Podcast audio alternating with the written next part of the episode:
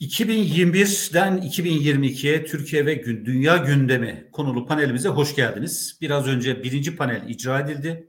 Şu an ikinci panele geçiş yapacağız ve daha çok Türkiye'nin yakın civarındaki gelişmeleri, dünya konjöktöründe meydana gibi gelebilecek gelişmeleri hem 2021 gözlüğüyle hem 2022 perspektifiyle inceleyeceğiz ve e, bu hususların dış politikaya, güvenlikle ilgili stratejilere, güvenlik politikalarına etkisi nedir? Bu konuyu incelemeye çalışacağız. Tabii e, çok değerli misafirlerimiz var, panelistlerimiz var. Ben müsaade ederseniz şu an e, panelistlerimizi size tanıtmak istiyorum. İlk panelistimiz Profesör Doktor Nurşin Ateşoğlu Güney.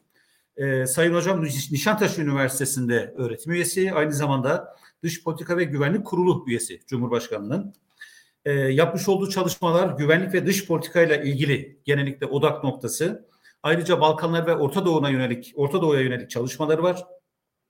Avrupa'da yeni güvenlik arayışlarına yönelik yazmış olduğu bir eser var.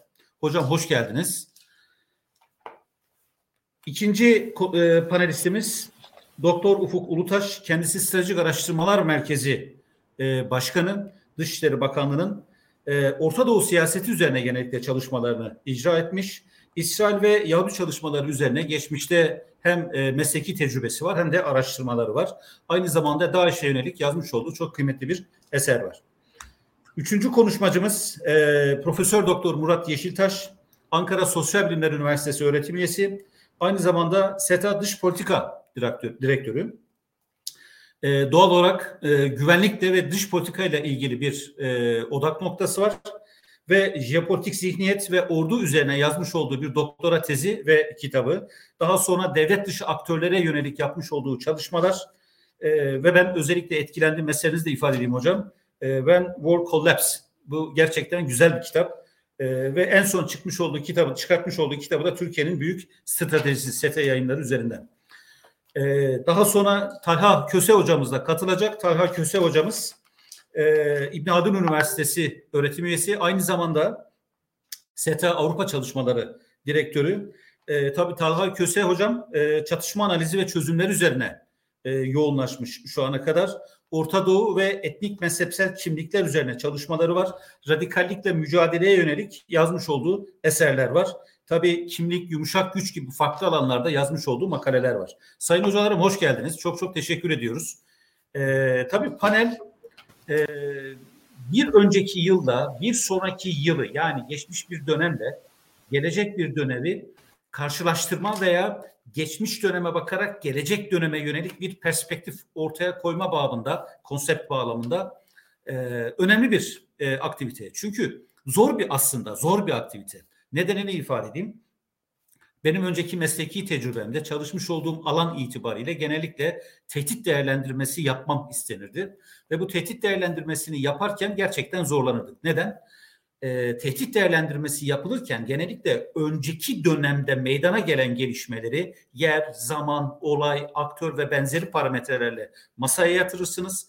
Analiz sürecine dahi tutarsınız, e, tabi tutarsınız ve bu analiz süreci yani parçalara ayırmış olduğunuz veriler üzerinden tekrar birleştirip bir sonraki dönemi tahmin tahmin etmeye çalışırsınız. Nitekim İngilizce literatüre baktığınızda geçmiş döneme yönelik yapmış olduğunuz tespitlere comment ismi veriliyor. Yani aslında comment yorum olarak geçiyor ama comment olarak geçiyor.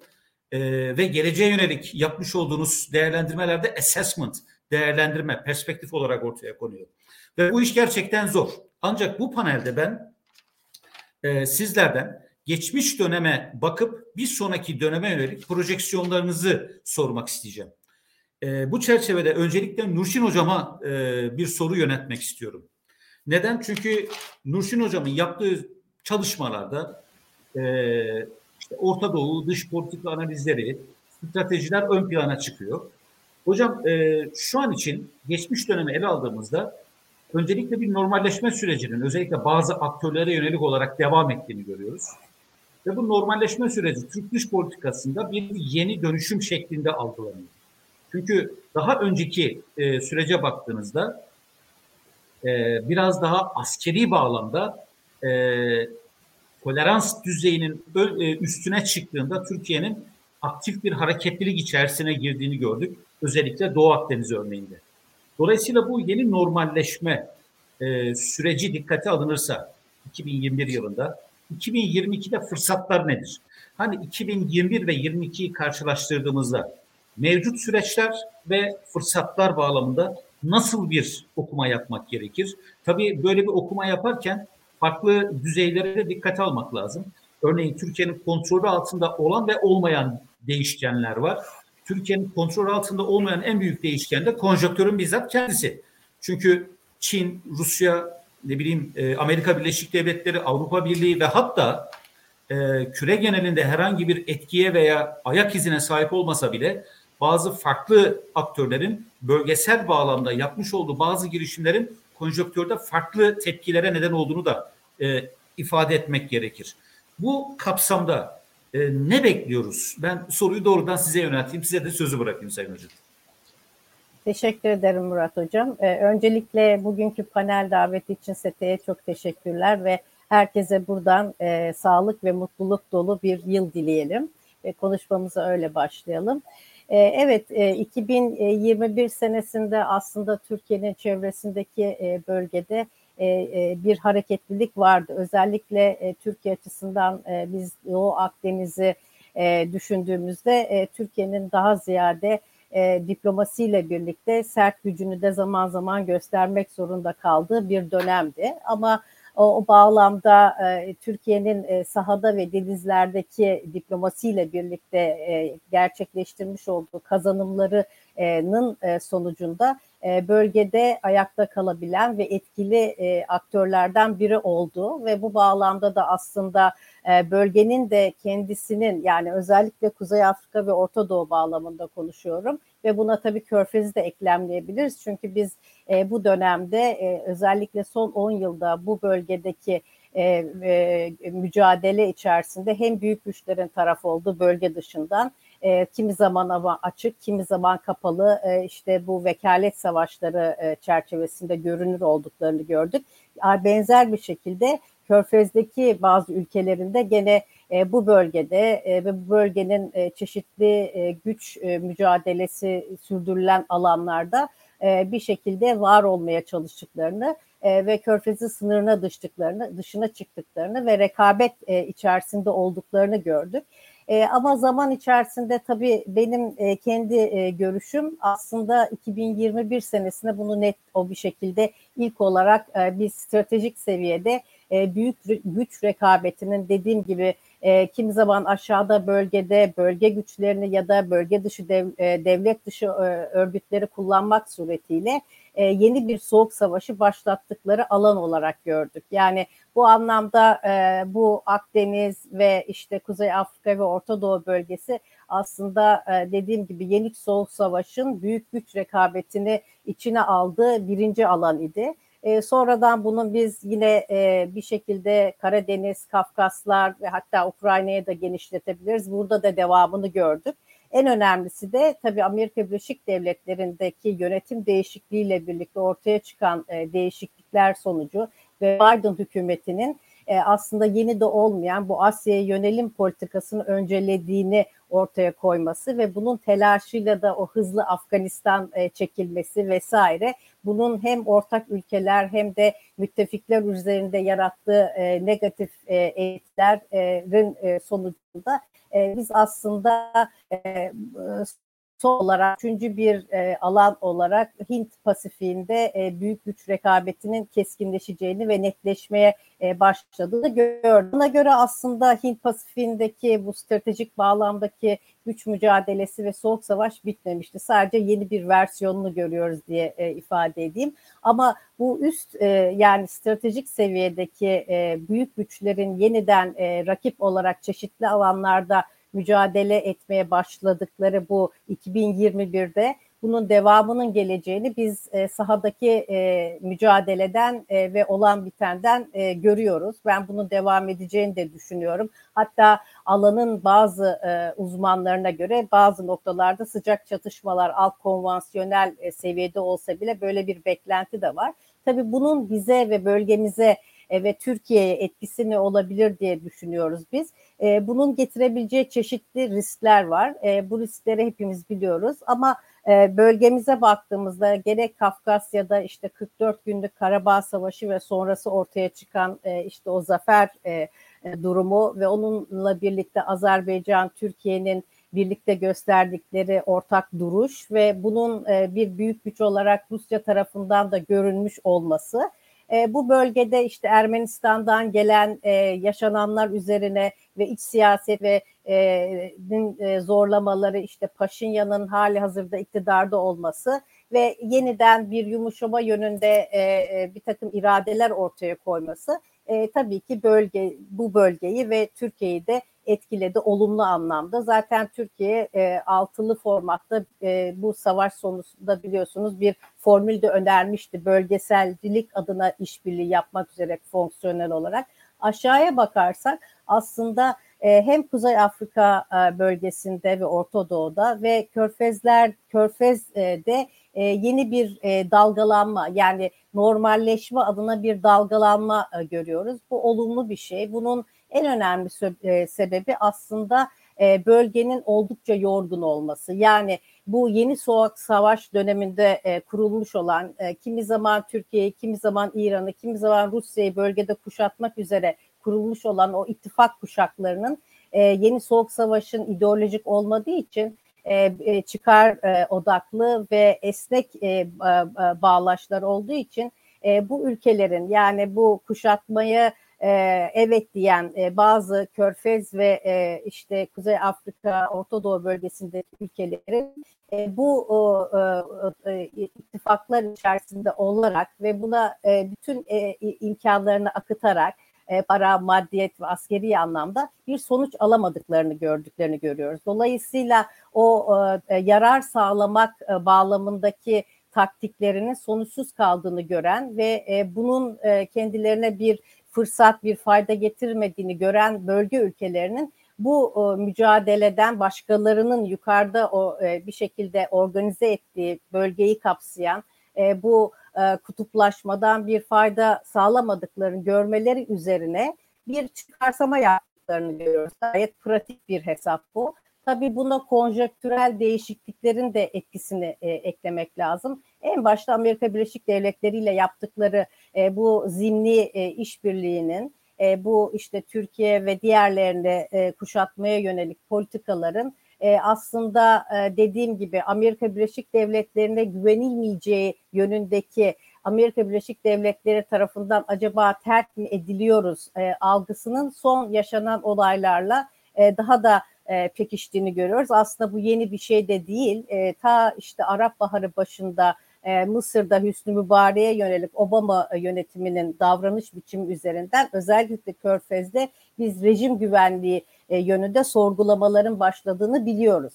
E, şimdi bunun tabii gene aynı şekilde bu Pivot Asia dediğimiz yani ABD'nin Biden yönetiminin Asya yönelimini öncelemesi, e, gene aynı şekilde e, bu e, AUKUS e, anlaşmasında batılı müttefiklerine danışmadan hareket etmiş olması, yine Afganistan'dan e, yine müttefikleriyle irtibatlı olmadan aniden çıkmış olması, bütün bu gelişmeler aslında bölgedeki yani hem Kuzey Afrika, Orta Doğu ve özellikle Körfez'de bu rejim güvenliği ve Amerika Birleşik Devletleri tarafından terk edilme duygusunu arttırdığını görüyoruz. Bu en önemli etkenlerden biri.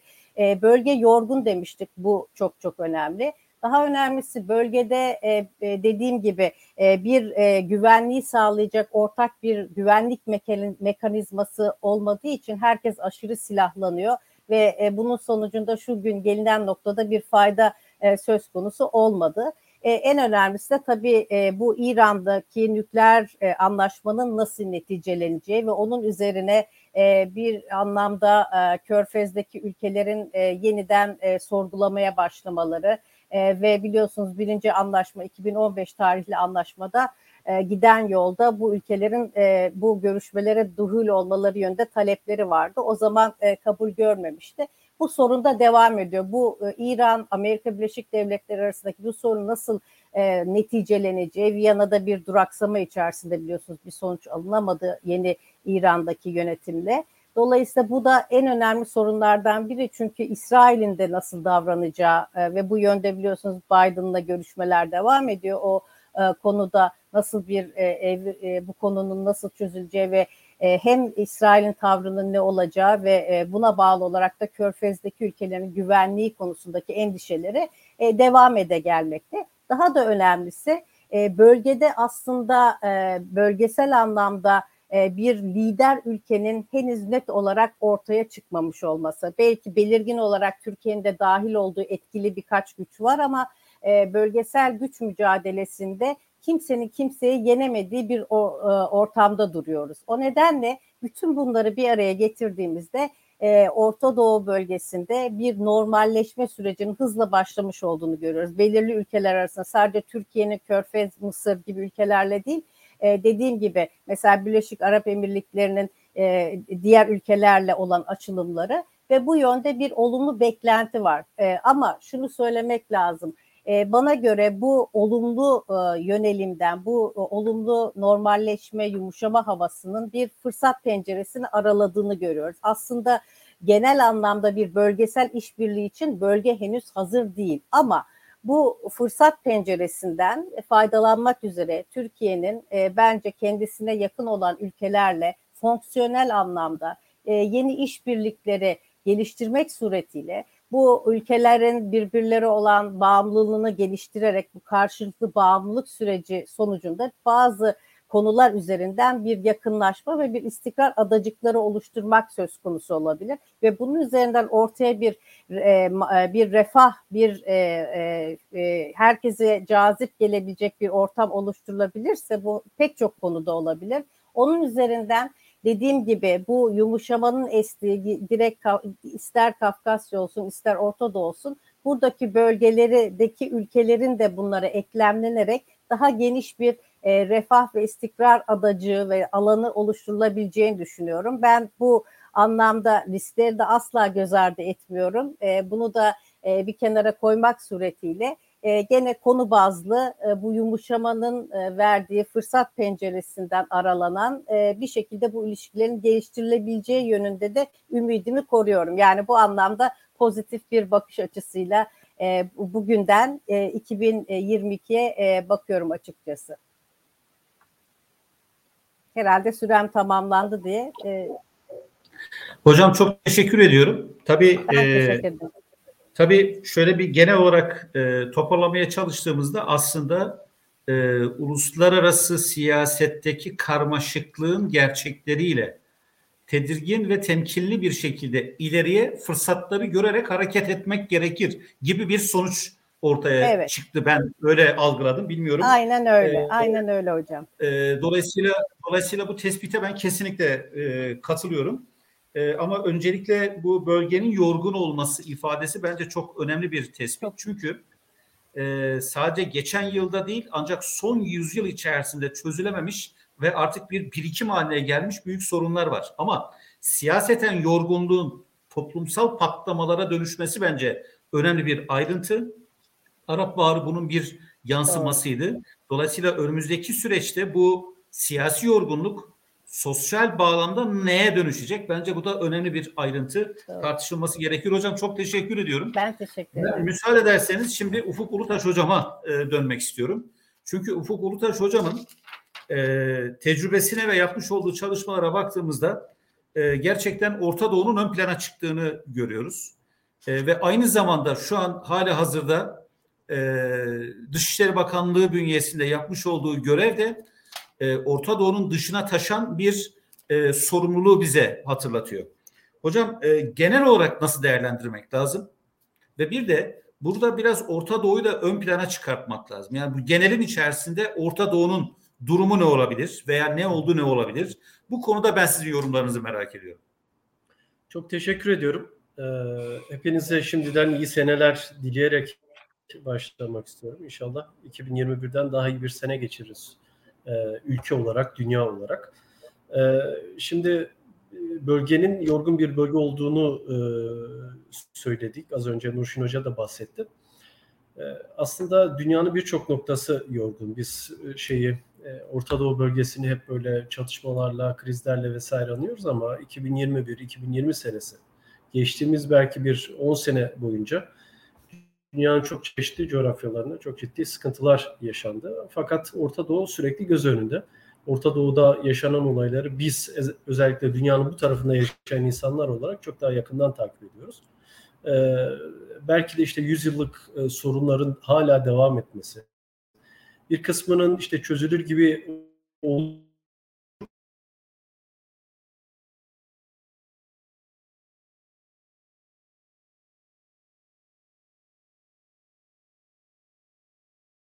Hocamın hocamın e, internette sıkıntı var öyle anlıyorum. Hocam sesimiz geliyor mu?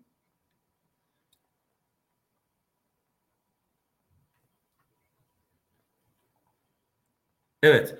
Bir sıkıntı oldu. O zaman e, hocamızı bir sonraki aşamaya alalım. Murat Yeşiltaş hocama biz e, dönelim. Çünkü Murat Yeşiltaş hocam da aynı alanda çalışmaları yoğunlaşıyor ama güvenlik, savunma e, biraz daha ön plana çıkıyor. Ben dolayısıyla Ufuk hocamın e, başladığı yerden aslında size sözü vermek istiyorum.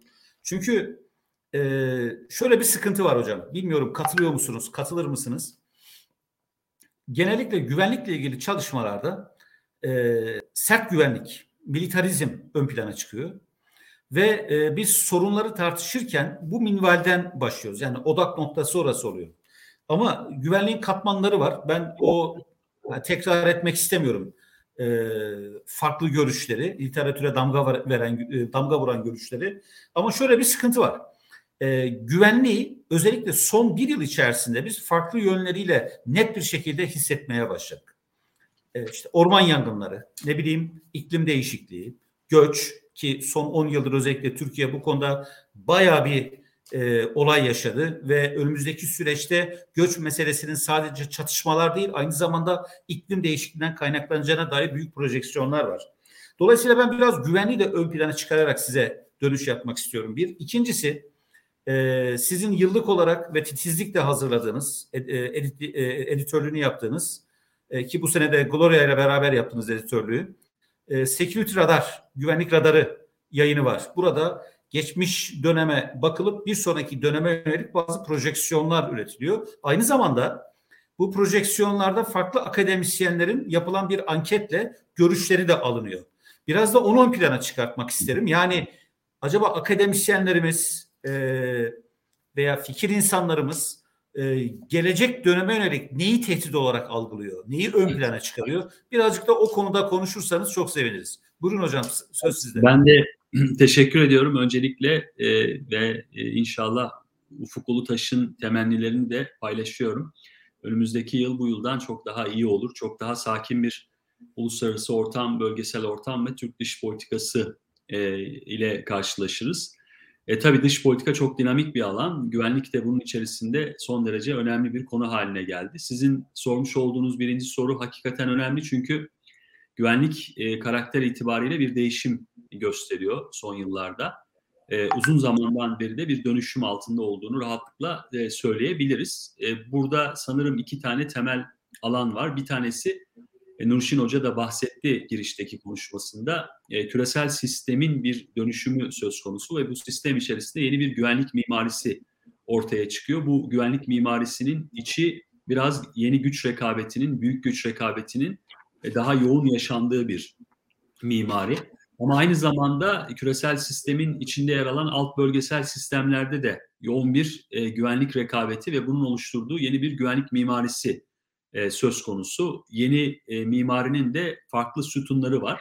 İkinci bağlamı ise e, güvenliğin hak, hakikaten çeşitlendiğini görüyoruz. E, özellikle e, pandeminin neden olduğu sağlık meselesinin birincil güvenlik e, problemi olarak artık bütün uluslararası e, aktörlerin, devletlerin, toplumların gündeminde daha fazla yer teşkil ettiğini söyleyebiliriz. Yani genişleyen bir güvenlikle karşı karşıyayız. Devlet güvenliği değil, askeri güvenlik değil, sadece aynı zamanda ekonomik güvenlik, siyasi güvenlik gibi, çevre güvenliği, insan güvenliği gibi konuların da e, güvenliğin ayırt edici özellikleri olarak devam ettiğini görüyoruz. Bu iki mesele tabii birleşmesinden e, doğan bir uluslararası güvenlik ve bölgesel güvenlik ortamı söz konusu. İşte biz tam da böylesi bir dönemde yine e, güvenlik radarını, SETA güvenlik radarını e, yayınladık e, geçtiğimiz günlerde. E, burada da ilk sorudan bir tanesi şuydu. Acaba e, Türkiye'nin e, güvenlik ortamını şekillendiren, dış politikasını şekillendiren güvenlik sektörlerine baktığımızda hangi güvenlik sektörü 2021'de daha fazla etkiledi Türkiye'nin jeopolitik ortamını ve 2022'de hangi güvenlik sektörü daha fazla ön plana çıkacak ve Türkiye'nin dış siyasetini etkileyecekti. E, bunu sorduğumuzda aldığımız cevap 2021 için daha fazla askeri güvenliğin ön plana çıktığını, ekonomik güvenliğin askeri güvenlikten sonra geldiğini, siyasi güvenliğin özellikle siyasi istikrar bağlamında da bu askeri ve ekonomik güvenliği takip ettiğini ama çevresel güvenlik meselelerinin giderek e, gündemimize daha fazla oturduğunu, katılımcıların da çevresel güvenlik e, konusunu ön plana çıkardığını gördük. Yine e, 2022 açısından bakıldığında ekonomik güvenliğin daha fazla ön plana çıktığını söyleyebiliriz ki katılımcıların e, büyük bir çoğunluğu Türkiye'nin jeopolitik ortamında etkili olacak temel güvenlik sektörlerinden birinin güven ekonomik güvenlik olduğunu bize söylüyor. Daha sonrasında askeri güvenlik, daha sonrasında siyasi güvenlik geliyor. Ekonomik güvenliğin e, önemli olması tabii pandeminin neden olduğu yeni ekonomik ortamın aslında bize e, işaret ettiği bir e, sonuç. Ama çevresel güvenliğin de giderek önemli hale geldiğini görüyoruz. Yine başka bir soru e, Türkiye'nin önümüzdeki dönemde hangi tür spesifik güvenlikle, dış politika sorunlarıyla ya da dış politika meseleleriyle ilgili ön plana çıkacağını sorduğumuzda yine e, ekonomik güvenliğin e, etkileme ve olasılık e, bakımından birinci sırada yer aldığını, S-400 gibi, F-35 gibi savunma sanayi ile ilgili konuların da Türkiye'nin dış politikasını etkileme kabiliyeti olduğunu görüyoruz. Burada dikkatimizi çeken temel hususlardan bir tanesi iklim değişikliği meselesinin artık daha fazla uzmanlar tarafından bir güvenlik sorunu olarak görüldüğü, bir dış politika meselesi olarak görüldüğü ortaya çıkıyor. Yine 2021 yılında Türkiye'nin Paris İklim Sözleşmesi'ni parlamentosundan geçirmiş olması da aslında bu farkındalığın hangi noktaya geldiğini ve Türkiye'nin e, uluslararası siyasetinde de iklim değişiminin bir problem olarak ilk sıralara doğru e, çıktığını görüyoruz. Yine önümüzdeki yılda e, Türkiye'nin e, hangi ülkelerle e, daha iyi ilişkiler içerisine girebileceğini sorduğumuzda 2021 yılının özellikle son döneminde ortaya çıkan Türkiye'nin Orta Doğu ülkeleriyle normalleşme inisiyatifinin ön plana çıktığını bu bağlamda da Mısır gibi, İsrail gibi, Suudi Arabistan gibi, Birleşik Arap Emirlikleri gibi ülkelerle daha yakın ilişkiler içerisine girebileceğini söylüyor. Amerika Birleşik Devletleri ile Türkiye'nin şu anda karşı karşıya kaldığı problemler, e, Fransa ile Türkiye'nin e, karşı karşıya geldiği sorunlar, Yunanistan'ın son dönemdeki silahlanma gayretleri e, Türkiye'nin bu ülkelerle 2022 yılında tansiyonu biraz daha yüksek bir döneme e, gireceğini bize söylüyor. Bu bakımdan da Türkiye'nin jeopolitik ortamının e, normalleşme eğilimin tarafından daha fazla domine edileceğini ama bazı ülkelerle de e, gerginlik alanlarının oluşabileceğini e, söylüyor. Tabii bizim 2021 yılında çok konuştuğumuz, 2020'de daha fazla ön plana çıkan bir mesele vardı. O da Türkiye'nin Suriye'de askeri müdahalede bulunmuş olması, e, Libya'daki askeri angajmanları gibi konular ön plana çıkmıştı. Bu soruyu sorduğumuzda 2022 yılında acaba Türkiye hangi bölgelerde daha fazla askeri angajmanlarda bulunabilir e, diye sorduğumuzda PKK-YPG meselesinin ön planda olduğunu, dolayısıyla Suriye sahasının ve Kuzey Irak sahasının Türkiye'nin terörle mücadelesi açısından e, yüksek olasılıklı müdahale e, durumunda e, olabileceğini bize gösteriyor. Yine İdlib, Türkiye'nin askeri angajmanlar açısından ikinci sırada çıkıyor. Libya, e, Kuzey Irak e, gibi bölgelerde Türkiye'nin 2022 yılındaki e, dış politika ve askeri e, siyaseti içinde önemli alanlar olarak karşımıza çıkıyor. E, tabii biz e, bu security radarda savunma meselesini de gündeme aldık ve katılımcılara şunu sorduk. Türkiye'nin savunma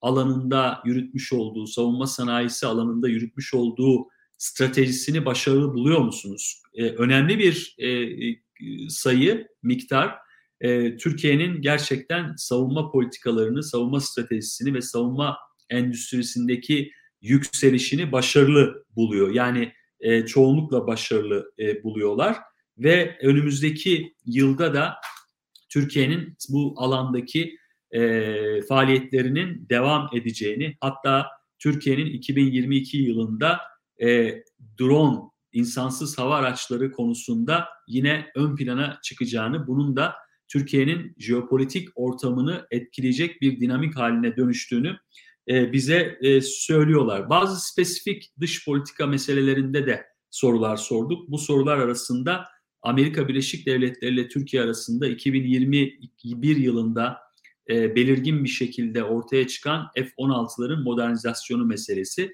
Burada katılımcıların Amerika Birleşik Devletleri ile Türkiye arasında bir mutabakat olma olasılığının olduğunu ama bunun çok yüksek olmadığını bize söylüyor. Dolayısıyla bu F-16 meselesi ABD ile Türkiye arasında var olan e, problemler açısından adeta bir test niteliğini taşıyor ki bu bence Türk-Amerikan ilişkilerinin önümüzdeki dönemde nereye doğru seyredeceğini anlaşılması açısından da son derece önemli. Yeni savunma anlaşmaları özellikle hava savunma bağlamında Türkiye'nin Avrupa ile Eurosam'la SAMT bağlamında sürdürmüş olduğu e, müzakere sürecinin de e, belli bir noktada 2022 yılında ilerleme kaydedileceğini söylüyor. Rusya'ya e, yönelik sorularımız da oldu. Türkiye ile Rusya arasında son dönemde bir e, çeşit e, kompartımantalize olmuş ilişki söz konusu. Bütün alanlarda bir uzlaşı söz konusu değil ama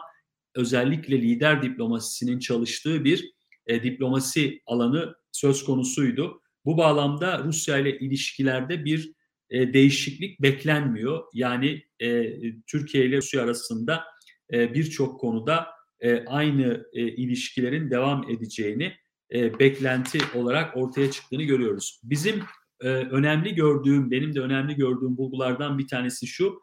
E, Türkiye'nin dış politikasını nasıl tanımlıyorsunuz? İddialı tanımlayanların sayısı e, hayli fazla. Peki 2022 yılında e, Türkiye'nin dış politikası nasıl olmalı şeklinde bir soru sorduğumuzda daha fazla iddialı olmalı şeklinde bir e, perspektif ortaya çıktığını görebiliyoruz. Katılımcıların hem yabancılardan oluşması hem e, Türk Akademisi bu konuyu takip edenlerden oluşması, gazetecilerden oluşması bence bu noktada son derece önemli. Türk dış politikasını daha iddialı bir noktada kendileri tanımlıyorlar katılımcıların. Özet olarak bizim 2022'den radarda da ortaya koyduğumuz beklentilerimiz şu, şu şekilde. Biz küresel bir belirsizlik dönemi içerisinde olduğumuzu düşünüyoruz ve bu küresel belirsizliğin birçok noktada Türkiye'nin dış politikasının e, üzerinde bir baskı oluşturma ihtimali olduğunu söylüyoruz. Ancak buna rağmen Orta Doğu'daki mevcut normalleşme sürecinin Türk dış politikasını rahatlatacak bir döneme e, soktuğunu da söyleyebiliriz. Ancak e, Fransa gibi, e, Yunanistan gibi ülkelerin Doğu Akdeniz üzerinden yürütmüş olduğu siyasetin de Türk dış politikasının bu alanda yeni bir rekabet dönemine girme ihtimalinin yüksek olduğunu bize gösteriyor. E, yine önemli e, bir mesele de Türkiye'nin terörle mücadelesinin özellikle 2022 yılında hız kesmeden devam edeceğini, bu anlamda PKK ve YPG terör örgütlerine karşı Türkiye'nin askeri aktivizminin devam edeceğini görüyoruz. Biz e, sonuç olarak e, bu yeni dönemde Türkiye'nin stratejik dayanıklılığının daha da pekiştirilmesi gerektiği ya da Türkiye'nin stratejik dayanıklılığını krizler karşısında daha da pekiştireceği, bu yönde adımlar atacağı bir döneme girdiğimizi e, temel olarak görüyoruz ve beklentimiz de Türk dış politikasında bu stratejik dayanıklılığın artması ve Türkiye'nin bölgesel ve e, küresel açılımlarının devam etmesi yönünde olacağını tahmin ediyoruz. Hocam teşekkür ediyorum. Tabii çok değerli bir araştırma. Katılımcı sayısı da bayağı fazla bildiğim kadarıyla. Dolayısıyla e, bu beklentiler aslında üretilen politikaları şekillendiriyor. Yani beklentiler istikametinde stratejiler e, teşkil ediliyor. Çünkü bu katılımcıların çoğunluğu gerek e, akademik çalışmalarıyla gerekse açık kaynaklar üzerinden gazete, televizyon, görsel basın vesaire e, bir şekilde fikirlerini ifade ediyorlar. Dolayısıyla bence değerli bir araştırma. E, ancak sizin de en başta ifade ettiğiniz üzere yeni güvenlik mimarisi kapsamında somuta bu beklentilerin nasıl dönüşeceği bence çok önemli bir ayrıntı. Ben çok teşekkür ediyorum. Şimdi e, müsaade ederseniz Ufuk Hocama tekrar dönmek istiyorum. Hatta tekrar bağlandığını öğrendim biraz önce. E, evet hocam hoş geldiniz. Dolayısıyla ben tekrar size sözü bırakmak istiyorum. Çünkü sizin gerçekten bu Orta Doğu ile ilgili tespitleriniz bence çok e, önemli. E, ve özellikle de Orta Doğu politikasında, siyasetinde ki e, son bir yüzyıla damga vuran hususlardır bunlar genel olarak nasıl bir e, bakış açısına sahip olduğunuzu özellikle merak ediyorum. Buyurun hocam söz sizde. Sesiniz hocam. Evet, şu an geliyor evet. olması lazım. Evet. Evet. Küçük bir internet azizlerine uğradık ama e, geri geldim e, çok şükür.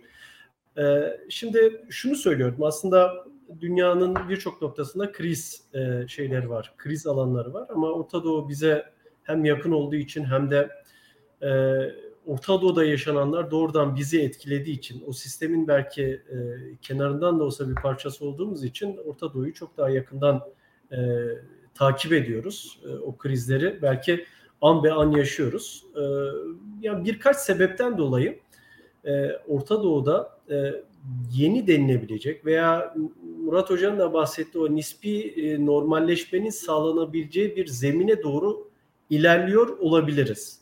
Söz konusu Orta Doğu olduğu için yine temkinli konuşuyorum ama e, bazı işaretler nispi bir takım e, normalleşmenin, bölgesel normalleşmenin e, sinyalini vermekte. Bunlardan bir tanesi aslında daha önce farklı noktalarda yaşadığımız ama Afganistan'la birlikte artık e, Orta Doğu'da birçok aktörün e, çok kuvvetli bir şekilde satın aldığı Amerikan çekilmesi fenomeni. Yani Amerikan çekilmesi e, işte Irak'ta konuşmuştuk hatırlarsanız. E, Suriye'de kısmen konuştuk. Hala Amerikan varlığından bahsediyoruz ama o da en azından Amerikan kamuoyuna bir Amerikan çekilmesi olarak e, satıldı. E, ve en son Afganistan'da yaşananlarla birlikte şimdiye kadar hem Amerika ile birlikte iş tutmuş e, ya da kendilerini Amerika'ya karşı konumlandırmış bölge devletlerinde Amerika'nın her zaman bir numaralı bir numarada koymaları gereken bir dinamik hesaplamalar yaparken bir dinamik olmaktan e, çıkardığını veya çıktığını işaret eden yeni bir gerçeklik oluşturdu. En azından aktörler şu an e, Orta Doğu'da bir takım hesaplar yaptığında işte Amerika'nın bölgedeki çok güçlü askeri varlığından e, yine çok güçlü bir şekilde bahsetmez bir duruma geldiler. Çünkü özellikle bölgesel aktörler bir Diğer taraftan da yeni bölge dışı aktörler kendilerini bölgeye e, ikame ettiler e, ve Amerika Birleşik Devletleri'nin e, hareket alanını kısıtlayabileceklerini gösterdiler. Bu sebepten biz Amerikan çekilmesi sonrasında e, bir takım bölge devletlerinin e, yeni bölgesel ittifaklara girmek suretiyle kendilerinin işte hem güvenlik boşluklarını hem işte ekonomik ihtiyaçlarını hem siyasi destek ihtiyaçlarını karşılama ihtiyacı gördüklerini veya girişimi içerisinde girdiklerini gördük. Bu da Amerikan çekilmesiyle doğrudan bağlantılı bir e, süreç. Bir diğer süreç e, yine çok hızlı geçtik e, fakat Covid-19'un etkileri bence Orta Doğu'nun genelinde çok kuvvetli bir şekilde hissedildi. Bir taraftan güçlü ekonomik etkileri, diğer taraftan da devlet ve e, vatandaş arasında, insan arasındaki ilişkilerin e, bazı e, değişikliklere uğramasını gerektirmesi sebebiyle Covid-19'un etkilerinin ben Orta Doğu'da üzerine konuştuğumuzdan çok daha fazla hissedildiğini e, düşünüyorum. Bu da yine benzer şekilde hem ilişkilerin değişmesi hem de ekonomik bir takım yeni gerçeklikler Orta Doğu devletlerine birbiriyle daha fazla konuşma durumuna soktuğunu veya zorunluluğunu hissettirdiğini düşünüyorum. Bir diğer nokta bu ilk bahsettiğim Amerika'nın çekilmesiyle de doğrudan alakalı. Ee, yani bir denge aslında uzun bir süredir Orta Doğu'da e, konuşulmuyor. Ee, Suriye'de bunu çok güçlü bir şekilde gördük. Yani uluslararası ilişkiler e, okuyanlar e, size işte büyük güç rekabetinin farklı coğrafyalarda yansımasını anlatırken işte Amerika'nın karşısında Rusya'yı, Rusya'nın karşısında Amerika'yı veya Çin'i, e, Avrupa Birliği'ni bir e, blok olarak dengeleyici aktörler olarak sunarlar. Fakat biz Orta Doğu'da çok net bir şekilde gördük ki bu denge uzun bir süredir e, ortadan kalkmış durumda. Yani Rusya'nın e, çok güçlü bir şekilde girdiği ve e, oyunu değiştirdiği noktalarda Amerika Birleşik Devletleri kendini çok rahat geri çekebiliyor. Yani bir soğuk savaş dönemi yaşamıyoruz aslında.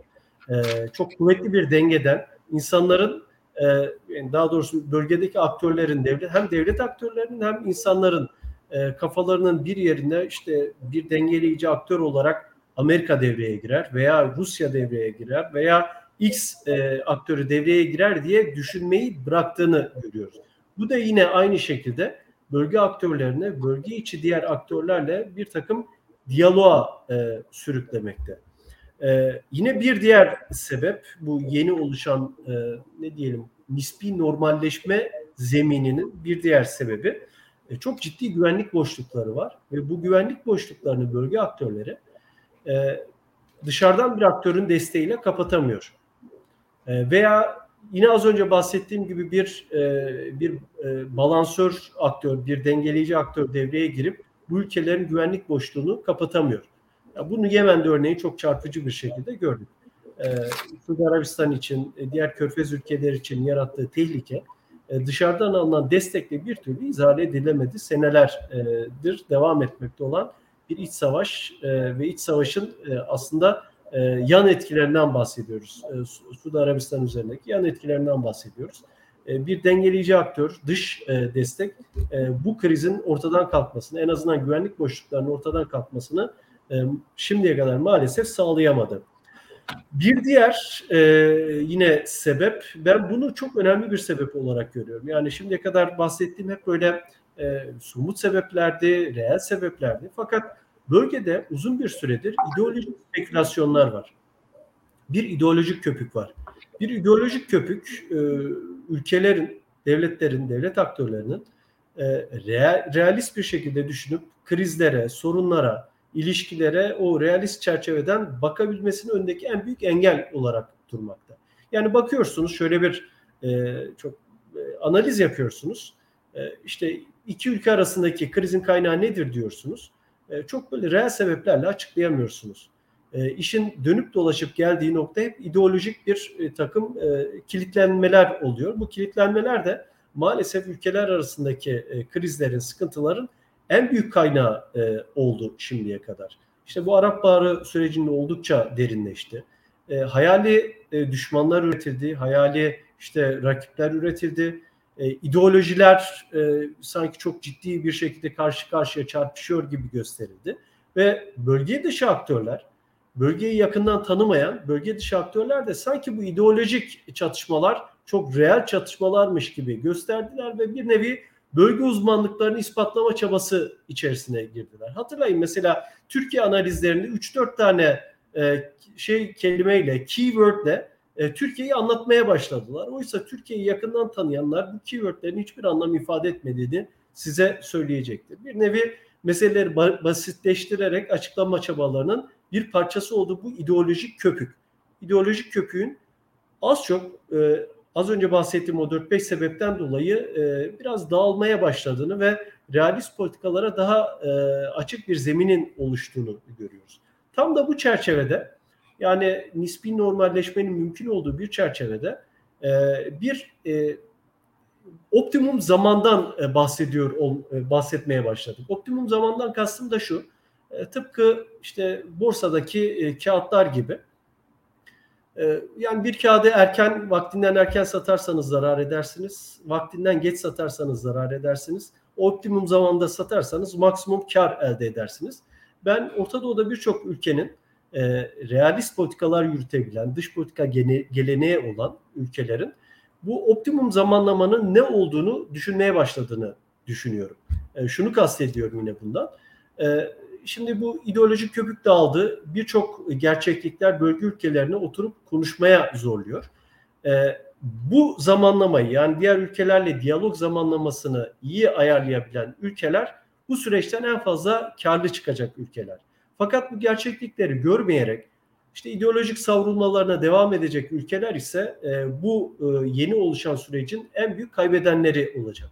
Ben bu optimum zamanlamayla e, bölgedeki bir takım işte e, erimelerin, diplomatik erimelerin mümkün hale geldiğini görüyorum ki son e, bir sene zarfında yaşadığımız birçok olayı da ülkeler arasındaki yeniden oluşan diyalog örneğin bunun açıklamanın mümkün olduğunu düşünüyorum. İşte Türkiye Birleşik Arap Emirlikleri arasındaki ilişkiler bunların bir örneği.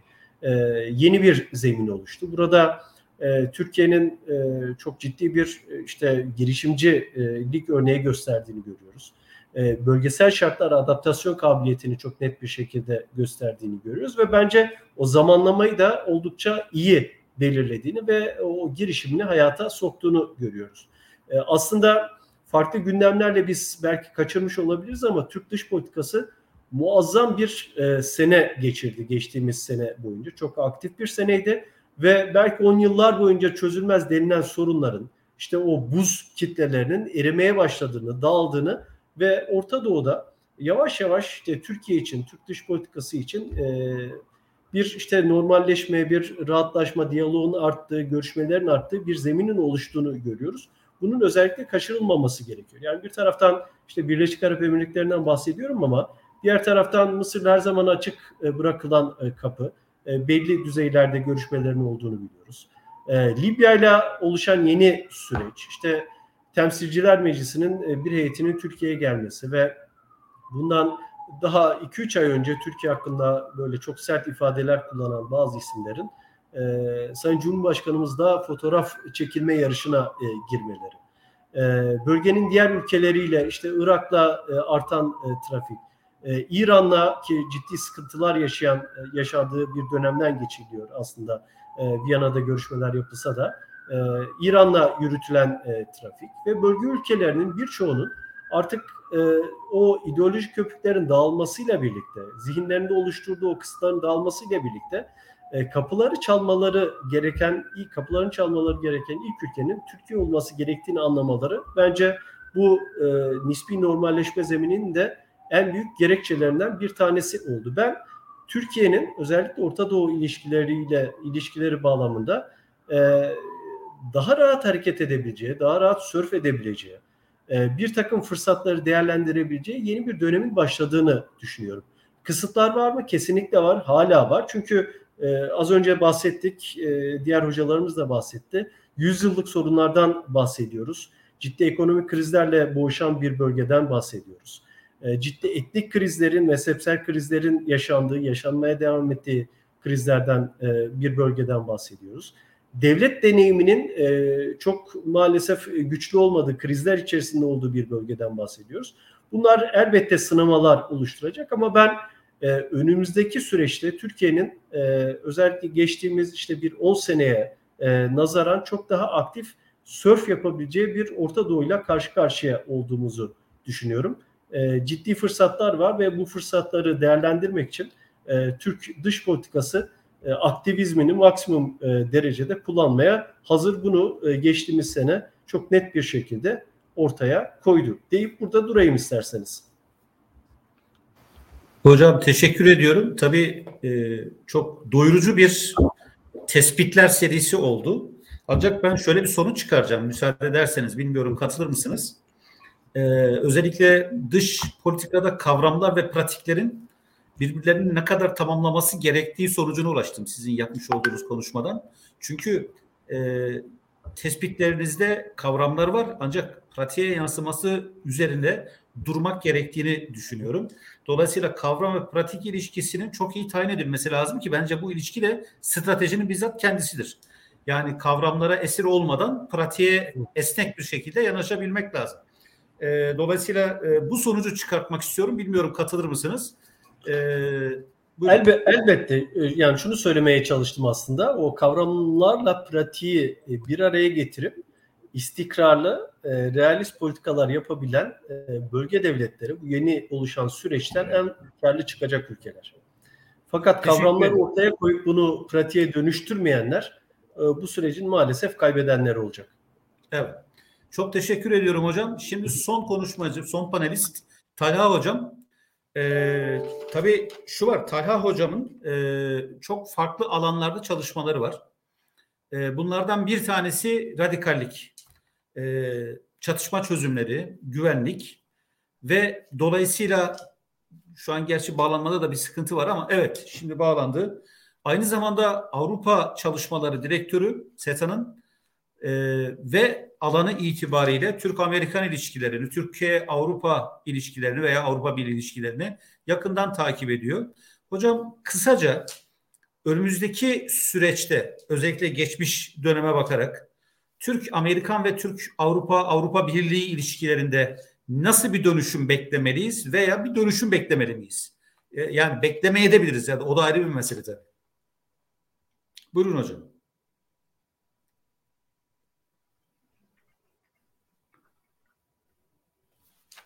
Hocam sesimiz geliyor mu?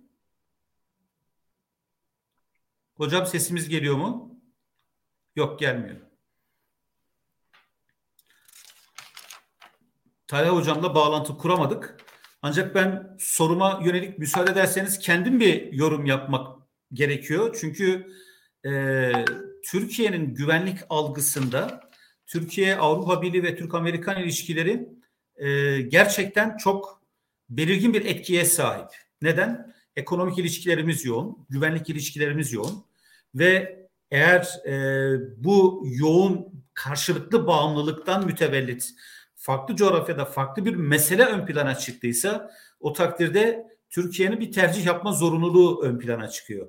Dolayısıyla Türk-Amerikan ve Türkiye-Avrupa ilişkilerinde bir dönüşüm beklemek aynı zamanda e, Türkiye'nin diğer bölgeleriyle etkileşiminde bir karara varmak anlamına gelir.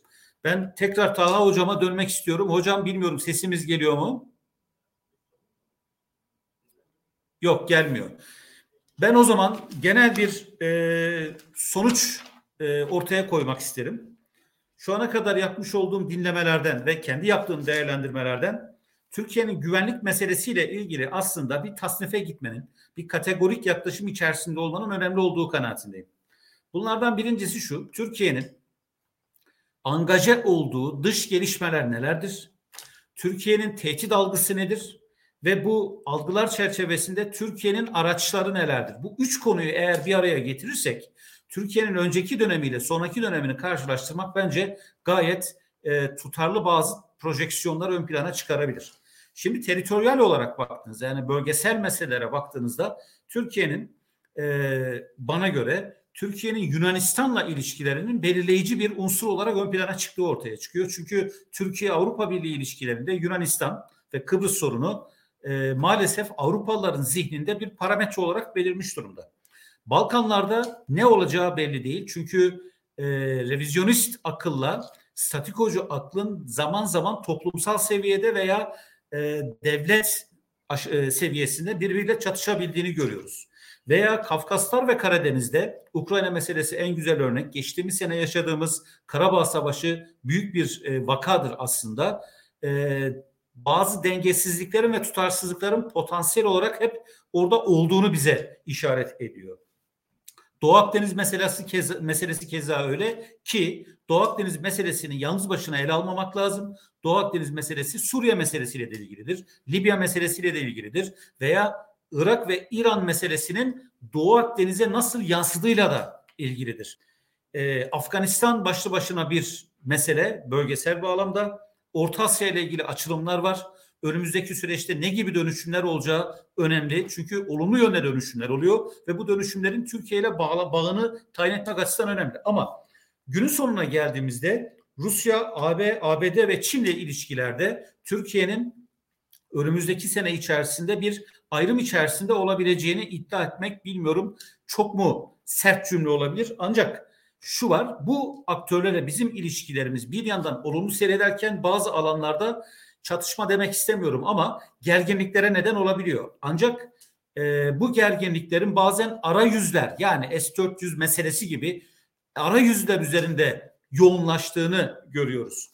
İkinci tür güvenlik algıları bana göre fonksiyonel veya sektörel güvenlik algılarıdır. Literatürde sektörel olarak geçiyor. İşte iklim, enerji, göç, salgın hastalık, ekonomi, terör, radikallik, bireysel meydan okumalar ve aynı zamanda özelleşmiş güvenlik gibi bazı kavramları ön plana çıkartabiliriz. Ancak burada sektörel bağlamda güvenlikte daha çok dıştan kaynaklanan değil ama iç dinamiklerin de bir nevi bir kar topu etkisiyle bu güvenlik sorunlarını artırabildiğini ifade etmek gerekir. Tabii travmaların e, belirsizlik yaratmakla beraber önemli dönüm noktalarının neden olduğunu da ifade etmek lazım. Ve bana göre üçüncü e, konu başlığı güvenlik bağlamında ölçülemeyen hususlardır. Yani ön yargılar, algılar, iç siyasi gelişmeler her ülke için ayrı ayrı düşünülebilir. Veya toplumsal uyumların uluslararası politikaya ne kadar meydan okuduğu çünkü bazen toplumsal uyumsuzluk uluslararası politik tercihleri etkileyebiliyor. Kimlik ve bence en önemli konu başlıklarından bir tanesi yeni jenerasyonlar. Çünkü yeni jenerasyonların standartları farklı, algıları farklı ve uluslararası siyasete e, etkisi önümüzdeki süreçte gerek oy veren bir kitle olarak gerekse karar mercine geldiklerinde uluslararası siyaseti yönlendiren kişiler olarak farklı cihette gelişebilir. Bu sonuçla birlikte ben bütün katılımcılara, bütün panelistlere teşekkür etmek istiyorum. Ee, zihin açıcı bir pratik oldu bana göre. Ancak günün sonunda 2022 yılında bir yandan iyimser olarak olayları ele alırken bir yandan temkinli olmak gerekir değerlendirmem. Ve bu değerlendirmeyle de ben paneli kapatıyorum. Bütün katılımcılara ve aynı zamanda ekranı başında dinleyen tüm e, ilgili insanlara teşekkür ediyorum.